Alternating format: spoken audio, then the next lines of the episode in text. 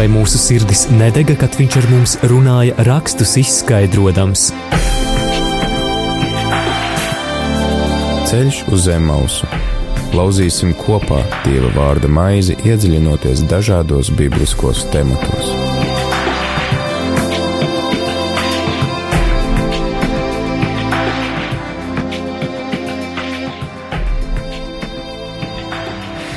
Esiet sveicināti, darbie radio Marija Latvijas klausītāji! Atkal ceturtdiena, un atkal tiekamies raidījumā, kas veltīts svēto rakstu iepazīšanai. Mēs ticam, ka šis vārds ir dieva iedvesmots, un ka šis vēstījums ir nemainīgi aktuāls arī šeit, šodien un tagad tev, klausītāji. Un mēs ceram, ka šīs raidījums jums arī sniedz kādus vērtīgus impulsus, kas palīdz jums jūsu pašu privātajā bībeles lasīšanā. Tādēļ raidījuma ievadā es, Māris Veliks, vēlos pamudināt tevi lasīt svētos rakstus katru dienu. Iepriekšējos divos raidījumos mēs aplūkojām būtiskas epizodes no pirmās mūzes grāmatas, jeb radīšanas grāmatas. Tas bija gan radīšanas stāsts, gan arī stāsts par īzaka upurēšanu, ko mēs lasām 12. nodaļā. Šovakar šajā raidījumā mēs dodamies uz tā saucamajiem vecās derības mazajiem praviešiem, un šoreiz ielūkojamies droši vien vispopulārākajā grāmatā no mazajiem praviešiem - Jaunas grāmata. Iespējams, ka tev klausītāji šajā brīdī nāk prātā tā lielā zivs, bet kāds tad ir šīs grāmatas vēstījums, kurā ir vērts ieklausīties šodien, un par to mums palīdzēs labāk saprast eh, septītās dienas adventistu draugs mācītājs Girts Rozners. Labvakar! Labvakar! Kad mēs runājām par jūsu iespēju piedalīties šajā raidījumā, tad um, jūs piedāvājāt, ka varētu runāt par pravieša Jānas grāmatu, un varbūt īsumā raidījuma ievadā, kāpēc tieši šāda izvēle? Nu, es personīgi esmu pārliecinājies, ka Jonas grāmata ir ļoti aktuāla grāmata tieši arī mums šodien. Varbūt tiešām mums tas pirmais, kas atmiņā uzplauks, uzplaiksnī, kad mēs pieminam Jonas vārdu, ir tā lielā zivs, un mēs atceramies uh, to, kā mums varbūt vecāki ir par to stāstījuši, mēģinot bērnībā mums aktualizēt tādus bībeles stāstus interesantus, un varbūt mēs to arī pasniedzam saviem bērniem, kad stāstam kādus bībeles stāstus, un tas ir tas interesantais. Tomēr, ja mēs iedziļinamies šajā grāmatā, mēs atrodam tajā ļoti daudz aktuālu vēstījumu, arī ne tikai, kas ir bijuši aktuāli visos laikmetos, sākot no šīs grāmatas uzrakstīšanas laika, eh, bet arī mums šodien. Un tajā ir ļoti daudz cilvēciskas šķautnes, kas mums varētu būt nozīmīgas. Tad par to, kādi ir šie aktuālie vēstījumi pravieša Jonas grāmatā, par to pēc īsa brīža.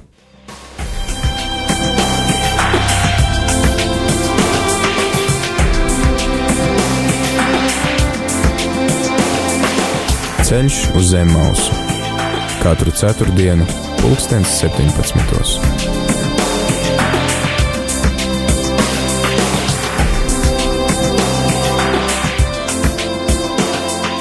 Dārgie radio Marija Latvijas klausītāji, ja jums ir iespēja šajā brīdī paņemt svētos rakstus savās rokās, tad droši atšķiriet Jonas grāmatu. Šī ir tā grāmata, kurai mēs pievēršamies raidījumā Ceļš uz Zemmausu šajā ceturtdienas vakarā un atgādinu, ka kopā ar mums septītās dienas adventistu draudzes mācītājs Girts Rozners. Girt, ar ko būtu jāsāk, lai mēs sāktu studēt šo grāmatu, tad vārds jums. Nu, jāsaka, laikam vispirms ar pašu stāstu, jo nu, Bībele vispār kā tāda ir viens liels un plašs stāsts, un uh, tā sastāv no daudz maziem, ļoti iedvesmojošiem un interesantiem stāstiem, un tas ir tas veids, kā arī uh, tā aktualizējas mūsu dzīvē, kad mēs klausāmies stāstu, ka tie nav tikai kādas pamācības un, un, un padomi, bet ka mēs tiekam ievilkti kaut kādā stāstā. Un tāpēc, ja mēs gribam sākt saprast šo Jonas grāmatas vēstījumu, protams, mums ir jāsāk ar pašu stāstu, kā tas viss notika. Un kādi tad tie būtiskākie stāsta elementi? Mēs jau zinām par vienu varoni, un tas ir pats Jona. Un... Tas ir pravietis Jona, jā. Jā, kurš saņem aicinājumu no Dieva, lai viņš dodas uz lielo pilsētu Ninivi un pasludina tās iedzīvotājiem no Dieva vēsti. Un kā mēs arī iepazīstamies grāmatas pirmajās nodaļās, Jona negrib to darīt. Viņš uh, nolemj, ka viņš uz turieni nevar iet, un mēs īsti varbūt pat nesaprotam, kā lasītājs, kāpēc viņš izvēlas atteikties no šī te aicinājuma, un viņš it kā bēg no dieva. Viņš dodas pretējā virzienā. Ja Nīnīve atrodas no viņa kaut kur uz dienvidu austrumiem, viņš dodas prom uz mm, uz ziemeļaustrumiem, tad viņš dodas prom kaut kur uz dien, dienvidu rietumiem, teiksim tā. Viņš iekāpj kuģī un dodas projām no šīs zemes krastiem, prom tālāk no šīs pilsētas. Un, kā mēs lasām šajā stāstā, šis kuģis nonāk lielā vētrā. Un interesanti, ka stāsta tas pasniegšana ir tāda, ka uh, tie cilvēki, kas atrodas ar Jonu kuģī, kas ir kuģa apkalpi, dažādi cilvēki no dažādām tautībām, saprot, ka te ir kaut kas saistīts ar kādiem pārdabiskiem spēkiem, un viņi met lozes, un tā loze krīt uz Jonu. Tad vētra ir Jonas dēļ, un Jona pats paskaidro situāciju, un pats ir ar mieru, pat piekrītam, ka viņš tiek izmests ārā no kuģa vētrā šajā jūrā. Un, nu, liekas, ar to arī Jonas stāsts varētu beigties. Viņš no, iekrīt eh, trakojošā okeānā, nu, ne okeānā, jūrā, un uh, viņa dzīvē ir pienācis beigas, pienākušas beigas, bet tāds negaidīts pavērsiens. Negaidīts pavērsiens parādās liela zivs, jau kāds jūras briesmūnis. Nu, parasti to mēģina varbūt sasaistīt ar kādu vāli vai kādu uh, lielu zivi, kas Jonu aprī, un viņš nonāk zivs vēderā tādā pilnīgi iracionālā situācijā, kurā mums pat laikam būtu grūti iedomāties, ka cilvēks var atrasties. Un tur viņš ir trīs dienas, un viņš tur pēkšņi sāk runāt ar Dievu. Viņš sāk tur saukt uz Dievu. Jā, otrajā nodaļā mēs lasām Jonas lūkšanu. Jā, tā ir tāda gara lūkšana, kurā viņš izsaka savu, varbūt nožēlu par savu rīcību un sauc uz Dievu pēc palīdzības, ilgojās pēc kaut kāda risinājuma šai situācijai, un tas risinājums nāk. Jona tiek izspļauts ārā atpakaļ krastā, ļoti tūtai vietai, kur, no kuras viņš varēs nonākt atkal tai vietā, uz kuru Dievs vēlas viņu sūtīt pie uz pilsētu Ninivi. Un tad trešās nodaļas, šie te pirmie panti, mm, kad mēs redzam, ka Jona nav aizbēdzis no Dieva un nav ticis vaļā no šī virs uzdevuma, ko Dievs viņam bija nolēmis. Tātad trešā nodaļa, pirmie panti, tad kungs runāja uz Jonu otrreiz. Celies, ej uz lielo pilsētu Ninivi un sludini tai, ko es tev teikšu un Jona cēlās un gāja uz Ninivu, kā kungs tam bija licis. Bet Niniva bija dievam lie, liela pilsēta, cauri tai bija jāiet trīs dienas. Jona nostaigāja pa pilsētu, vienas dienas gājumu un sauca: Vēl četrdesmit dienas, tad Ninive tiks sagāsta. Ninivas ļaudis noticēja dievam, pasludināja gavēni, un visi ieģērbās maisos no lielākā līdz mazākajam. Jā, es saprotu, ka šobrīd arī ir gavēņa laiks, un tā gandrīz vai piestāv tai situācijai. Mhm. Tā tad mēs redzam, jā, viena no gavēņa arī tādām uh, pazīmēm, kas ir būtiski, ir, ir, ir šī te grēka nožēla, šī te atgriešanās, šīs te savas dzīves attīrīšana no viss tā, kas to piesārņo, pievēršanās Dievam, atgriešanās pie Dieva, tā ir tēma, kas vienmēr bijusi aktuāla un tiek saprasta ar gavēņu laiku, un tā ir arī mums šodien. Bet tas interesantais seko tālāk, desmitajā pantā. Es pārlecu pāri dažiem pantiem, lai nonāktu jau pie tā pavērsiena, kas notiek, kad Dievs redzēja viņus, tātad niniviešus, tā darām, ka tie atgriezušies no saviem ļaunajiem ceļiem, tad Dievs atstājās no visa ļauna, ko bija teicies tiem darīt, un to nedarīja. Un tālāk es nezinu, kā jūsu bībelēs, bet man es lietoju šo jauno tulkojumu, seko ceturtā nodaļa, un uh, viņai jau grāmatā ir ielikts tāds liels virsraksts. Jā, Jonas dusmas. Jonas dusmas. Jonu tas sanikno. Nu, lūk, uh, un te es arī gribētu sākt pārdomāt šo te pirmo nu, tādu tēmu, ko mums piedāvā Jonas grāmata. Un uh, tāpēc es gribētu teikt, ka ka tā ir grāmata zināmā mērā par mums. Mēs varam, protams, sevi identificēt ar Jonu. Mēs varam mēģināt iejusties tajā viņas situācijā, bet, lai to mēs varētu izdarīt, mums ir jāsaprot tāds, nu, kā saka, vēsturiskais šīs grāmatas konteksts. Un par šo vēsturisko kontekstu mēs parunāsim pēc kāda brīža. Tagad dodamies mūzikas pārtraukumā, un eh, tad jau vēsturiskais konteksts, kas palīdzēs labāk saprast, kāpēc tieši tā, kāpēc tieši šāda Jonas reakcija.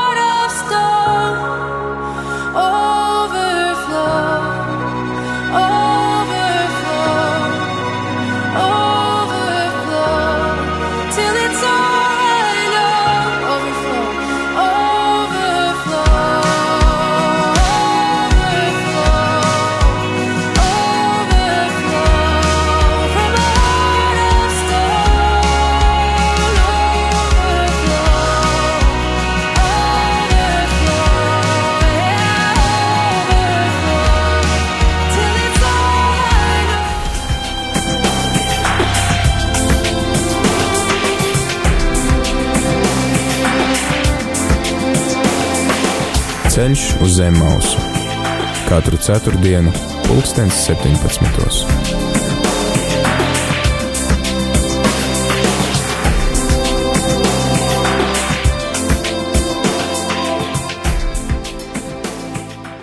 Turpinām raidījumu ceļš uz Emmaus. Atgādinu, ka kopā ar mums šajā vakarā ir Girts Rausners, 7. dienas adventistu, Rīgas 5. draudzes mācītājs, un šajā vakarā mēs runājam par Jonas grāmatu.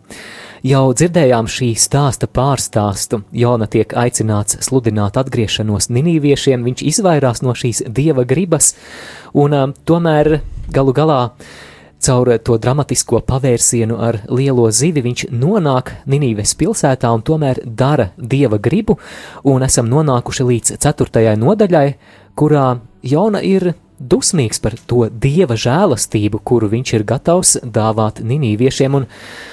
Kā jau runājām, mēs parunāsim tagad par to vēsturisko kontekstu, kas mums labāk palīdzēs saprast to Jonas nepatiku pret ninīviešiem. Kas tad tur ir pamatā?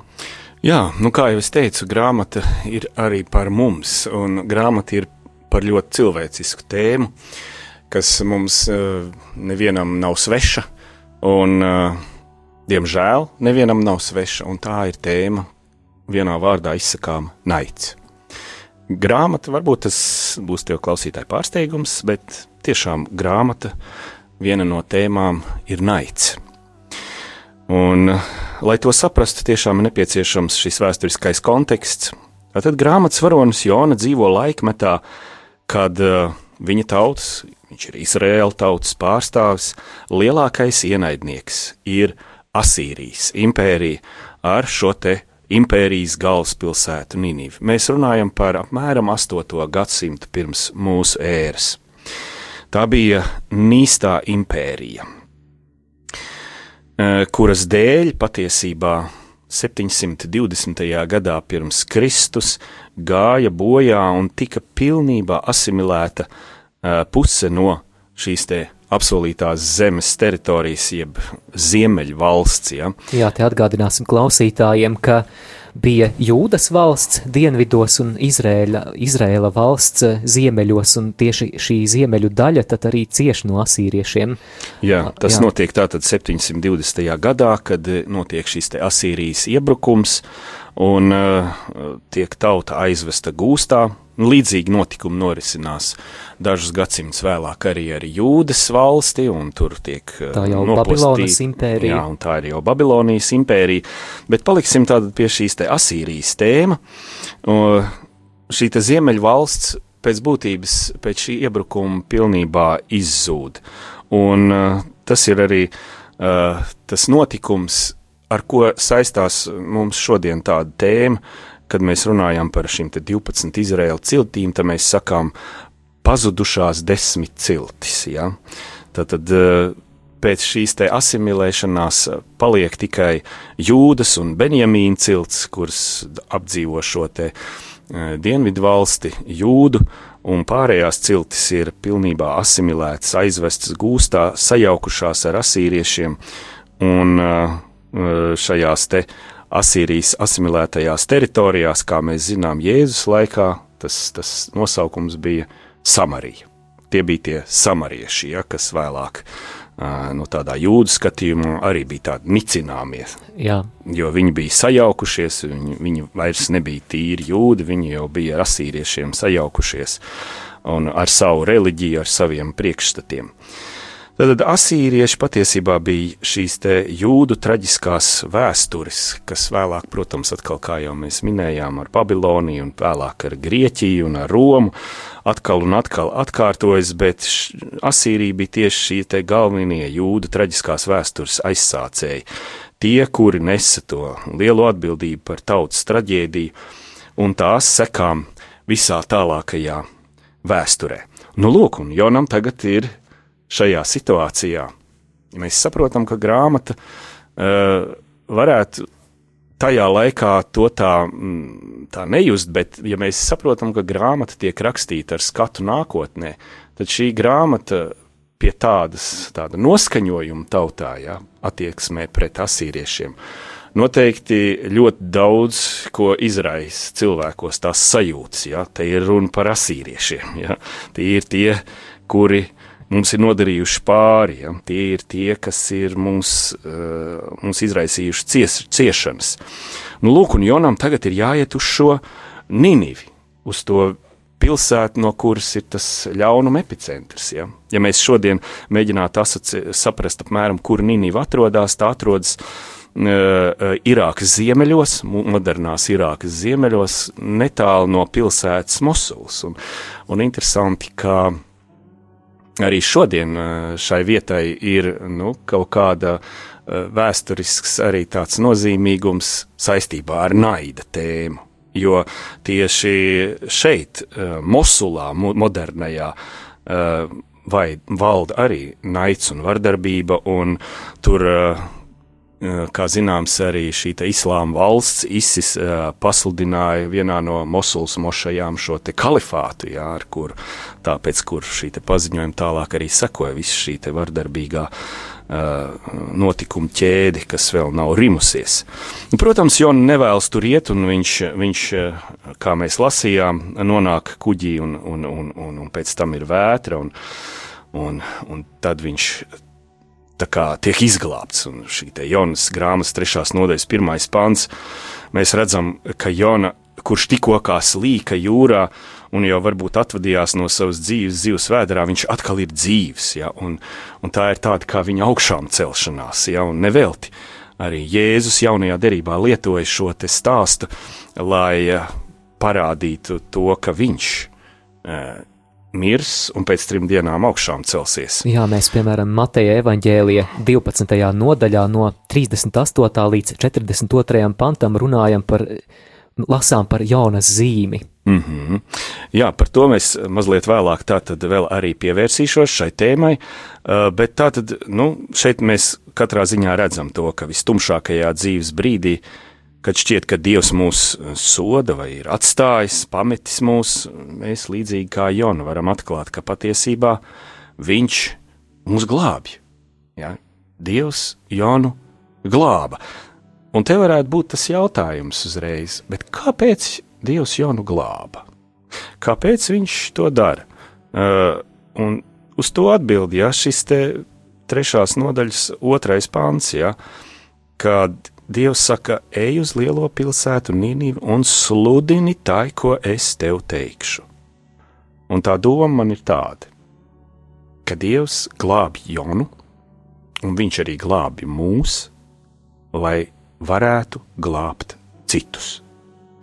Tātad Dievs glābj Jonu, un Dievs arī glābj mūs, lai mēs varētu glābt. Vai viņš arī citus caur mums jā, varētu Dievs glābt citus? Caur mums glābtu citus, un jā, mēs to arī redzam šajā jaunas stāstā, un um, turpināsim mēs uh, pavisam drīz šo ļoti svarīgo domas pavadienu. Oh,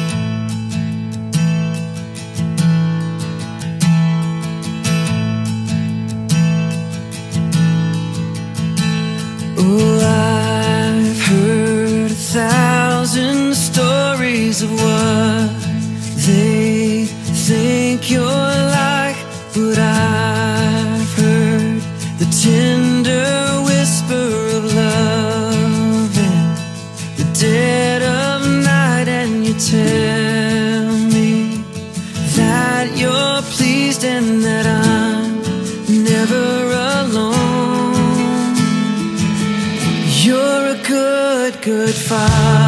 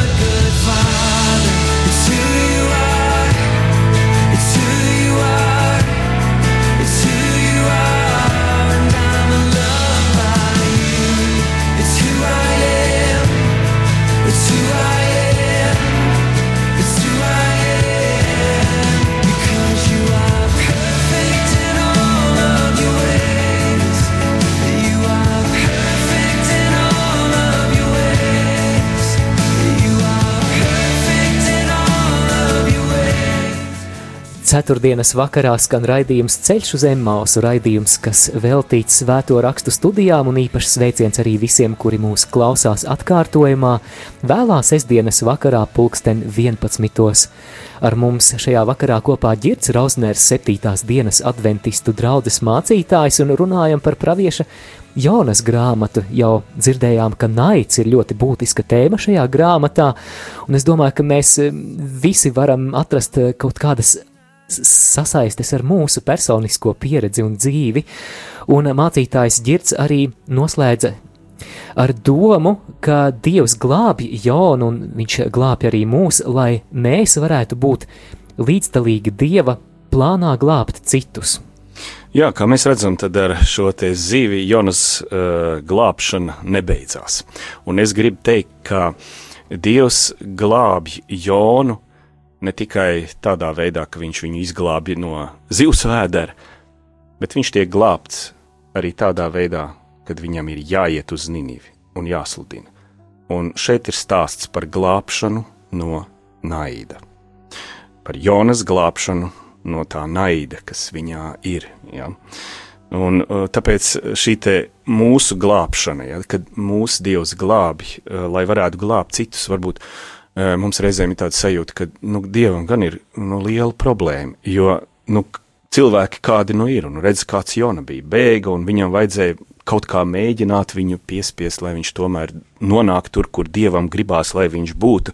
Un it kā dievam ir kaut kāda problēma, ka viņš pats uh, nevar, protams, doties uz Nīniju, viņam vajadzīgi cilvēki, bet nu kādi nu, tie cilvēki ir ar tādiem, nu, uh, viņam ir jāmocās, lai īstenot savus nodomus, bet nē. Tā nav taisnība. Šī glābšana ir ne tikai niniviešu glābšana, tā ir arī Jonas glābšana, un zinot to, ka tā grāmata ir ietverta Bībelē, svētos rakstos, kā, kā grāmata, kas ir domāta lasīt visiem izrēliešiem, visiem ticīgajiem, vēlāk arī, ja, tā ir arī glābšana no mūsu naida, kas mums ir, mūsos mīt. Mēs lasām, un mēs sākam to saprast. Jo Jonu var izglābt pēc būtības tikai glābjot arī niniviešus. Tad, kad ninivieši tiks Jonas pieņemti un viņiem tiks pasludināta Dieva vēsts, un kad viņš pieņems šo dievu labestību ne tikai pret izrēliešiem, bet arī pret šiem izrēliešu ienaidniekiem, tad arī jo, Jona savā būtībā piedzīvos šo izglābšanos no, tās, no tiem aizspriedumiem, no tā naida, no tās pretestības, kas viņām mīt attiecībā pret viņu ienaidniekiem un citiem cilvēkiem. Es redzu, ka šī glābšana no naida arī prasa kaut kādā ziņā tādu pārkāpšanu sev pāri, jo Jona šeit iet pretēji savām emocijām, pretēji savām izjūtām. Jā, un tāpēc es tiešām gribētu, ka mēs to glābšanu saprotam plašāk nekā tikai kaut kādu brīdi, kurā mēs nonāksim debesīs, teiksim, ja kā jā, kristieši jā. parasti Glābšana ir kaut kas tāds, kas notiek šodien, tagad. Tu tiec glābts ne tikai ar to, ka tev iedod varbūt cerību nākotnē, bet tu tiec glābts šajā brīdī no tā, kas tavu dzīvi uh, padara smagu un kas to nospiež un nomāc un, un, un, un neļauj tev justies brīvam. Un tāpēc glābšana ir pēc būtības cilvēku mainīšana. Šodien un šeit tas notiek. Niniviešu mainīšana un arī Jonas mainīšana, ja mēs runājam par Jonas grāmatas kontekstu. Un mēs patiesībā redzam, ka par to sludināja arī pats Jēzus Kristus, pirms viņš aicināja savus sava laikmeta Jonas, ja savus mācekļus sekot viņam, ka ir pienācis laiks mainīt savu domāšanu. Nu, un tad, kā mēs redzam, Jonas grāmatas 4. nodaļā, Jona ir apsēdies uzkalniņā pie Ninivis, viņš ir izdarījis savu misiju, Un ko viņš dara? Viņš gaida to brīdi, kad nu, Dievs, teiksim, tā mūsdienīgajā uh, kontekstā uzspridzinās tās mošeju, ja, un, mm. un liks tiem visiem aiziet postā, kā jau viņš bija pasludinājis.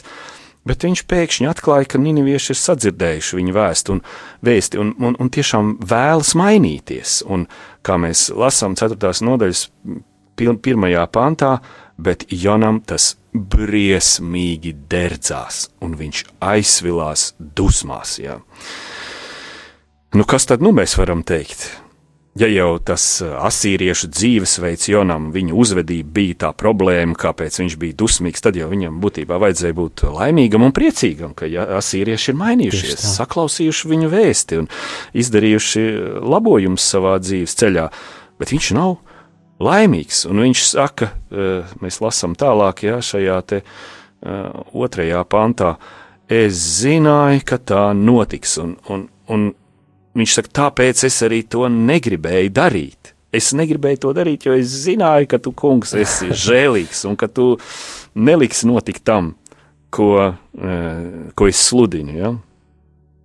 Tad, tad faktiski problēma nebija tajā, ka Jona uztrauca tas asīriešu dzīvesveids, neticība vai kaut kādas citas tēmas, bet problēma bija paša asīriešu eksistence vispār, priekš Jonas. Un aizvainojums varbūt arī mums, ne mums, bet nu, teiksim, citiem izrēliešiem, kur lasa šo stāstu, ja, varētu slēpties arī, ka kā tad sanāk, kad asīrieši tagad ir labāki par izrēliešiem, jo viņi atgriežas, bet tad, kad Dievs sludināja Samarijas uh, ciltīm, viņi neatgriezās un atkrita. Tas sanāk, ka Dievs tagad ir pievērsies asīriešiem. Tātad šī viņa nevēlēšanās iet uz Nīnīvi, Jonas patiesībā e, nebija no kaut kādas, nu, kaut kādas bailes no iespējamām briesmām, kas viņam draudēja šai pilsētā, vai kāds zems pašvērtējums, vai, vai viņa uzņēmības trūkums, vai kaut kādas ilgas pēc mājām, vai bailes no publiskas uzstāšanās, kā mums varētu likties, nu tās nu, bija tās jaunas problēmas. Nē, nē, viņš nevēlējās tur iet, jo negribēja redzēt savus ienaidniekus dzīvus es labāk, tad viņš pēc tam saka, tagad es labāk pats mirstu, nekā redzu šos niniviešus dzīves. Tas, tas, tas ir šausmīgi īstenībā, vai ne? Jona it kā pat zaudē tādu jēgu dzīvei. Dievs ir apžēlojis, viņš ir pieņēmis, viņš ir piedevis asīriešiem, un, un kā? Un ko nu? Kā tad tā? Jā, viss tautas ienaidnieka tēls tiek it kā rehabilitēts. Dievs ir pie viņiem dodas, viņi atgriežas, un Dievs priecājās par to un viņus pieņem. Un šis ienaidnieks tēls ir kaut kur pazudis. Jā, ir... cik aprīnojami, ka tas uh, naida elements var būt uh, tik būtisks elements kādā, kāda cilvēka nacionālajā pašapziņā vai tajā mm. priekšstatā mm. par pasauli, par apkārtējo vidi. Jā, Bet tas, es, kā jau teicu, ir ļoti laikmetīgs uh, šis stāsts un, un aktuāls arī mums šodien. Jo patiesībā šie ienaidnieki tēli mīt visos cilvēkos. Un tā ir, tā ir tā dziļa patiesība, ka, ka mums kaut kur, un varbūt, ja mēs varam tā padomāt arī tādā savā ticības kontekstā, savā tādā pārliecības kontekstā, vai mums arī nav kaut kādi ienaidnieki, kuri, kuri, kuri mūsuprāt, nu tiešām nav pelnījuši dievu žēlastību, un tu tiešām, nu viņiem, pār viņiem tikai dieva dusmām vajadzētu izlieties. Un, un vai tik nav kādreiz pat tā, ka mēs līdzīgi kā Jonas ja, gaidām, gaidām, ka dievs sodīs tos. Tos neliešus, vai kā nu kurus mēs tā esam savā acīs identificējuši ar šiem ienaidniekiem. Un, un, un šī grāmata rāda, cik tas patiešām var būt mokoši un briesmīgi, ka šim cilvēkam šai gadījumā Jonam to ienaidnieku tēlu tā kā atņem, ja? jo viņam tas ir ļoti vajadzīgs. Ja mums ir ienaidnieki, tad, tad mēs patiesībā varam ļoti ērti izvairīties no tāda fakta, ka mēs paši esam ienaidnieki. Kam mēs esam ienaidnieki, mēs varam būt žēlastības ienaidnieki, mēs varam būt dievu piedošanas ienaidnieki, ienaidnieki tiem, kam dara pāri, jo mums, mums ir attaisnojums. Ja. Jā, šis naids ļoti personīgā līmenī var būt, un uh, Un tas ir šausmīgi, ja tas tiešām arī dzen saknes tādā mūsu ticības tādā izpratnē, ja, ka tas ir attaisnojami. Un arī man šķiet mūsu Latvijas kontekstā šīs tēmas aktualitāte varētu būt saistīta ar jautājumu, kā mums samierināties ar mūsu vēstures lapusēm, kas arī ir bijušas sāpīgas, ir deportācijas un vairākas okupācijas un koncentrācijas nometnes un trimda un tā tālāk un tā tālāk. Un Jā, to var tvert eh, ļoti dažādos līmeņos. Šajās tautu līmenī, ja, kā tu Jā. tikko minēji, kad ir kaut kāds starp tautām, kaut kādas rūkumi, naidi un, un, un, un vēstures uh, atmiņas. To var tvert arī tā, varbūt uh, šī brīža situācijā arī publiskā telpā izskan ļoti tāda asa diskusija šodien. Tur kāds mācītājs ir aizgājis no, no, no savas baznīcas, un, un vieni ir aizvainoti, un citi atkal to attaisno. Un tad, kad sociālos tīklos lasa visu šo diskusiju, var just arī šeit virmo naids patiesībā. Ja. Mēs kaut kā redzam, mēs kaut kā dalāmies kaut kādās frontēs, un mēs sākam cits citu saskatīt eh, kādu ļaunumu un, un attaisnojam savus rūktos un nežēlīgos varbūt izteicienus citam pret citu. Vai tas arī nav kaut kur tāds uh, Jonas stāsts mūsos, ja ko Dievs vēlas uh, mums patiesībā nu, kaut ko iemācīt no tā visa? Un man ļoti patīk kāds Mārtiņa Lutera Kinga citāts, ko viņš ir runājis par šo te naida tēmu, uh, sakot to, cik naids patiesībā ir traucējošs, cik tas ir cilvēku personību deformējošs.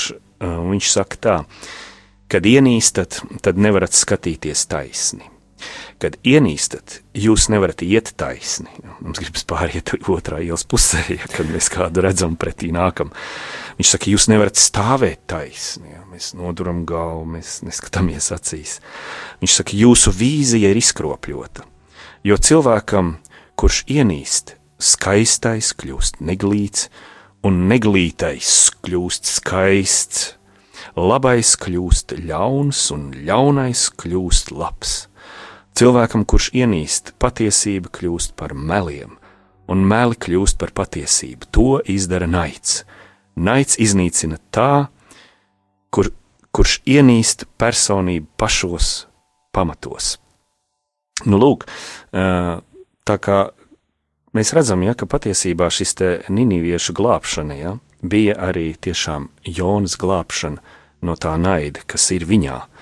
Jo tiešām Dievs nevar pilnā mērā un līdz galam izglābt mūs, neglābjot arī citus. Tā ir otrā ziņa, ko es gribu teikt. Vēlreiz atkārtojot jau sākumā izteikto, Dievs nevar pilnā mērā un līdz galam izglābt mūs, neglābjot arī citus, tā skaitā mūsu ienaidniekus.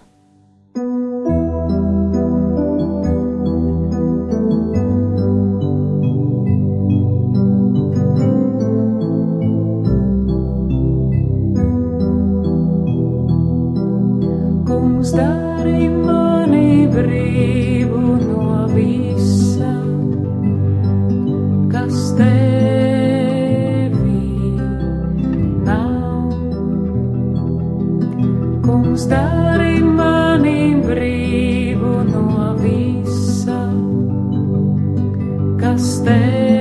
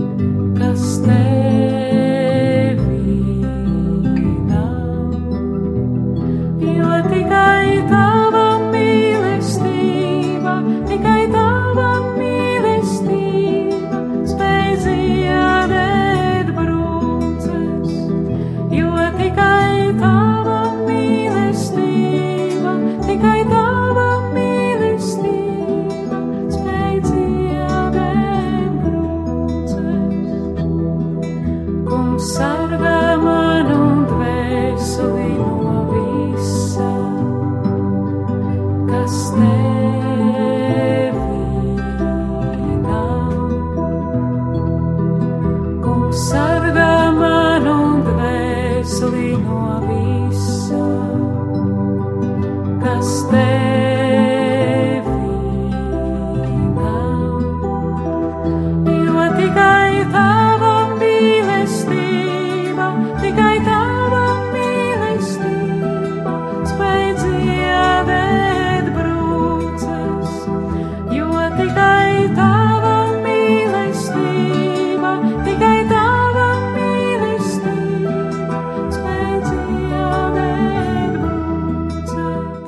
Šoreiz raidījumā Ceļš uz Emmausu runājam par pravieša Jānas grāmatu. Ar mums kopā Girts Rozners, septītās dienas adventistu draudzes mācītājs. Mēs pirms brīža runājām, ka viena no būtiskākajām tēmām šajā grāmatā ir tēma par glābšanu no naida, un beidzām ar kādu ļoti svarīgu atziņu, ka Dievs nevar mūs līdz galam izglābt, neglābjot citus, tā skaitā arī mūsu ienaidniekus.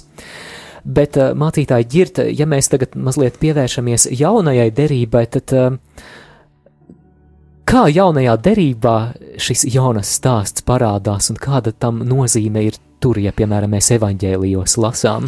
Nu jā, Jonas problēma bija tā, ka viņš tiešām šo Dieva žēlastību, labestību, mīlestību bija ietvērs tikai attiecinājis uz sevi, uz savu tautu, un varbūt arī mēs bieži vien šo te glābšanu, šo Jēzus un Dieva mīlestību ietveram tikai tādā savā izpratnē, kā mēs redzam tās lietas, un, un, un varbūt mēs arī varam apzināties, ka esam kādus cilvēkus jau norakstījuši, novēlējuši ellē, bet tā labā vēsts jau ir tā, tāpēc ir laba, ka tā ir vēsts priekš visiem. Uh, Un, un kad faktiski Jona šo uh, atziņu saprata par Dievu, kad viņš ir labs pret visiem, ja, tā Jā, labā pat, pat vēsts pret tiem viņam... nīstamajiem ninīviešiem, šeit ninīviešus mēs pat varam izmantot kā tādu simbolu, kas uh, apzīmē mūsu ienaidnieku, lai arī kas tas Tieši būtu. Tā, tieši tā. Un tad, kad mēs sākam saprast, ka tā Dieva labestība, mīlestība tomēr klājas pāri visiem cilvēkiem, arī pār tiem, kuriem mēs varbūt savās domās to pat vairs nenovēlam, ja, uh, tad tā vēsts par brīnišķīgo žēlastību, gan drīz vai jāsaka tā pārvēršas par vēstu par briesmīgo žēlastību, ja priekš Jonas, ja. Jā, tas priekš Jonas bija šausminoši, ja, ka viņš redz, ka Dievs ir pieņēmis šos cilvēkus, un mēs redzam, ka Jēzus līdzīgi šādu te uh, izraisīja šīs emocijas ļoti līdzīgas sava laika cilvēkos, kas klausījās viņā. Uh, Mācekļi sekoja Jēzum, taču arī viņam, viņiem nācās saskarties ar šo pašu Jonas saskar, piedzīvoto dievišķo realitāti, ka Dievs nevar pilnā mērā un līdz galam mūs izglābt, neglābjot arī citus, un tā skaitā mūsu ienaidniekus. Jūs atceraties situācijas, kur mācekļi kādiem samariešiem novēlēja, lai pār viņiem krīt uguns, un tūlīt viņi tiek iznīcināti, jo viņi neuzņēma Jēzu, un Jēzus pilnībā norobežojās no tādas rīcības. Un Lūkas evanģēlijas 6. nodaļas 27. pantā ir šie Jēzus vārdi, kas saistās tieši ar ienaidniekiem. Lūdziet par tiem, kas jūs apvaino, svētījiet, kas jūs nolāda, mīliet savus ienaidniekus. Un mēs varam jautāt, kāpēc? Tāpēc, ka mums ir jāieraug šī lielākā aina, ko mūsu priekšā aino Bībele, ka ka aiz tās stāv kaut kas vairāk nekā tikai mana individuālā morāla stāja, bet tas nozīmē, ka man jāmācās pieņemt, man jāmācās saprast, un ka līdz ar mani Dievs glābi arī citus, un tai skaitā arī manus ienaidniekus. Un interesanti, tu raidījuma sākumā pieminēji šo uh, Mateja evaņģēlīja fragmentu 12. nodaļā, kur Jēzus atsaucās uz šo te Jonas uh, notikumu, Un izlasīsim, kā tas tur ir rakstīts 12. nodaļā, no 38. panta. Tad pie viņa vērsās raksturmācītāji un farizēji un sacīja: Skolotāji, mēs no tevis vēlamies kādu zīmi redzēt. Un Jēzus tiem atbildēja: Samaitāta un laulības pārkāpēja paudze meklē zīmi, bet cita zīme tiem netiks dot kā vien pravieša Jonas zīme. Kā Jona trīs dienas un trīs naktis bija milzu zivs rēderā, tā arī cilvēka dēls trīs dienas un trīs naktis būs zemes sirdī. Ninivieši celsies tiesas dienā pret šo paudzi un to notiesās, jo, kad Jona sludināja, tie atgriezās no grēkiem, un redzi šeit ir vairāk nekā Jona. Šeit mēs redzam šīs daudzās tēmas, ko Jēzus saskata un vēlas atstāt mums caur šo stāstu. Un te mēs redzam arī šo te naida tēmu, ka ninivieši it kā ir labāki ja, par izrēliešiem. Ninivieši uzklausa vēsti, bet izrēlieši ir kūtri un pasīvi. Un, un tad, kas tad ir šī zīme, Jonas, ja mēs uh, lasām šeit, Jēzus lietot tādu uh, savādu izteicienu apzīmējumu, Jonas zīme. Tā nav tikai zīme par to, ka Jēzus ir miris un trīs dienas viņš bija kapā, kā Jona zivs vēderā, un tad iznāca ārā. simbolizējot augšām celšanos, kā Jona iznāk no zivs vēdera. Arī tas, protams, bet te ir tas, ka Jona pēc šīs augšām celšanās viņš dodas pie nīniviešiem, viņš dodas pie šiem pagāniem, viņš dodas pie šiem neticīgajiem, jo kungs, var saprast, ir novērsies no Izraēla un pievērsies Asīrijai, un tāpat arī Jēzus. Pēc viņa augšām celšanās viņš sūtīs savus mācekļus sludināt pagāniem, sludināt visām tautām, un Izraēls būs tas, kurš savā naidā pretosies šim jaunajam aicinājumam. Tur būs šī nevēlēšanās Jonas iet un pildīt šo misiju, bet Jonas aicinājums, ko Dievs deva Jonam, paliek spēkā arī šodien. Mums ir, kā to darīja Jēzus mācīja, ko, kā to darīja Kristīgā baznīca, mums ir jāiet pie visiem. Mums ir visi jāie, jāiekļauj šajā vēstījumā, mums ir jāsludina, un tā ir šī jaunas zīme, ja, ko Izrēlam rāda Jēzus. Tā ir, jums ir jāiet pie pagāniem. Jūs nevarat palikt ar sevi, jūs nevarat tikai palikt savā mazajā draugu pulciņā ja, un slēgt ārā un mest ārā viss, kas neatbilst jūsu priekšstatiem un izpratnē par to, kāds ir Dievs. Nē, Dieva mīlestība ir iekļaujoša. Jēzus pats nokāpa šajā trakojošajā tautas okeānā, līdzīgi kā Jona iekrita uh, jūrā, nogrima līdz pat šeolam, ja kā Bībele saka, ar to apzīmējot mirušo valstību, viņš iznāk ārā augšām ceļas un nāk pie mums ar šo savu pasludinājumu visām tautām, asīriešiem un visiem pāriem arī latviešiem.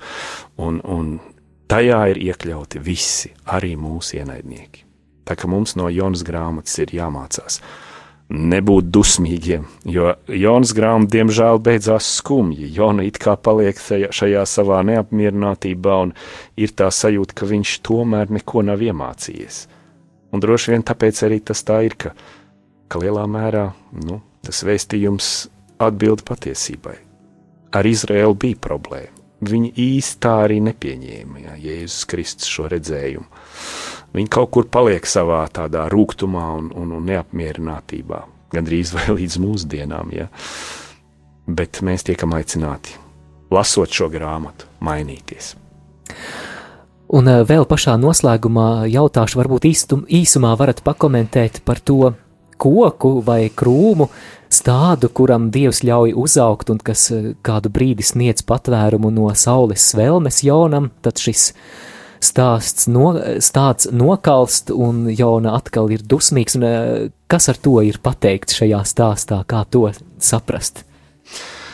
Nu jā, tā, tas ir stāsts par to, ka Dievs turpina mācīt eh, Jonu un, un, un dāvā viņam vēl vienu tādu simbolisku ainojumu, kurā viņš rāda, ka, ka, ka viņš jau ir šīs pasaules saimnieks, ka viņš jau ir tas, kurš dod pāēnu, kurš, kurš pievēršas cilvēkiem.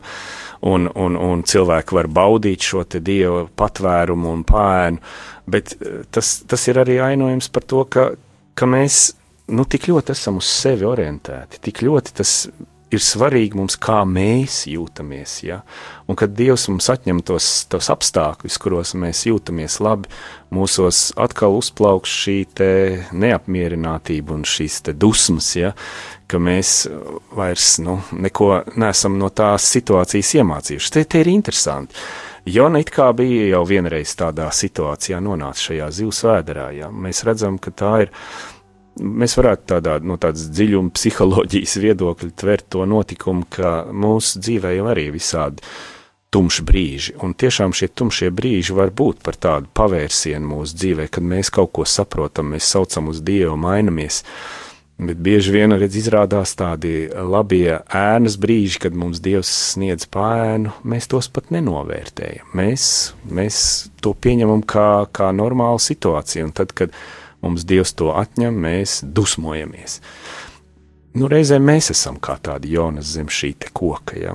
Sēžam tur un gaidām, kad Dievs sodīs tos citus, bet nejūtam jā, to, ka jā. īstenībā Dievs pie mums darbojās, ka Viņš mūs audzina, Viņš mūs veido, Viņš mums kaut ko grib iemācīt. Nē, Vai arī reizēm ir mūsdienās tāda galējība, novērota, ka varbūt uh, kāds ir gatavs iestāties par kādu ekoloģijas problēmu risināšanu vai par kādām dzīvnieku tiesībām, tai pašā laikā aizmirstot par cilvēka vērtību.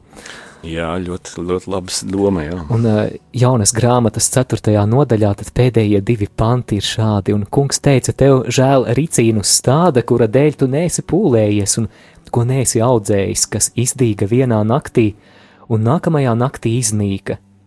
Un man, lai nebūtu žēl lielās pilsētas Ninīves, kur ir vairāk cilvēku nekā 12 reiz 10 tūkstoši, kas nezina atšķirt savu labo roku no kreisās, un daudz lopu. Raidījuma noslēgumā vai jūs lūdzu varētu vadīt mūs kādā lūkšanā, jo es pieļauju, ka daudzi klausītāji, dzirdot eh, šo jūsu sludināto vārdu, sāk atpazīt kaut kādu naidu, kas ir sirdī, mm. lai arī pret kādu cilvēku grupu tas būtu, bet uh, saviem spēkiem ar to te vai, jā, jāsaka, nav iespējams tikt galā, un varbūt kāds bezcerīgi skatās uz kādu aizvainojumu, dziļām sāpēm, dziļu ievainojumu savā sirdī, un, un tad tas jautājums paliek, ko man ar to darīt, es nespēju ar to tikt galā, un varbūt jūs varētu mūs vadīt lūkšanā par klausītājiem un par ikvienu no mums, lai mēs atvērtu tās savas sirdis tai dziedināšanai no Dieva, atbrīvošanai no naida. Jā, protams, jo īstenībā šajā situācijā tas, kas mums var palīdzēt, ir tiešām sekošana Jēzum. Viņš uz sevi paņēma visu cilvēku naidu, uz viņu izgāzās ļoti liels naids, un viņš to visu paņēma, pieņēma un, un uh, mira, tāpēc, ka bija šis naids, bet augšām cēlās, lai parādītu, ka Dievam nav naids. Un tāpēc, sekojot Jēzum, mēs varam atbrīvoties no tā, kas mūs varbūt nomāca. Lūksim! Dargo pestītāji, Jēzu! Mēs pateicamies Tev par šo grāmatu, kurā mēs varējām saskatīt Jonu un caur Jonu arī paši sevi. Tajā ir tik daudz tēmas un tik nozīmīgi arī dažādi patiesības mirkļi, kas mūs uzrunā, bet šajā reizē mēs īpaši domājam par šo naida problēmu. Mēs varbūt kaut kur sevi jūtam, kaut kur sevi identificējam, arī kādu naidu, kas mīt mūsos attiecībā pret kādiem līdzcilvēkiem vai cilvēku grupām, pārliecībām, ticībām. Kungs, mēs redzam, ka tu visu laiku esi darbojies, lai cilvēkus atbrīvotu no šī naida. Gan vecajā derībā, gan arī jaunā derībā Jēzus piemērs mūs mudina atbrīvoties no tā.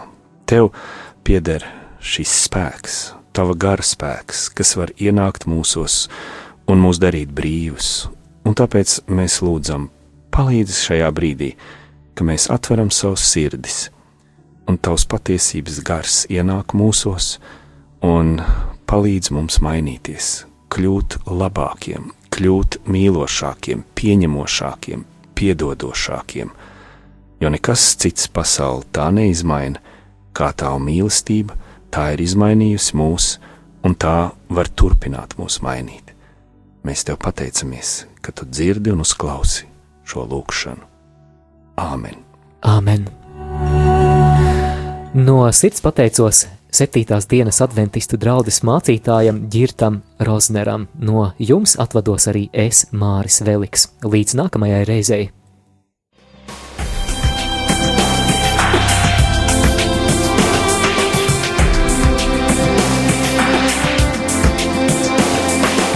Ceļš uz zem mausu katru ceturtdienu, pulkstens 17.